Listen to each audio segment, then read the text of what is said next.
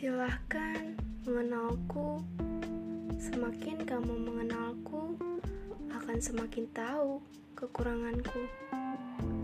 Maka tersisa dua pilihan: pergi ataupun bertahan. Dan dari sinilah aku mengetahui siapa yang datang hanya penasaran dan pergi karena sudah cukup tahu. Itulah definisi singgah yang tak sungguh.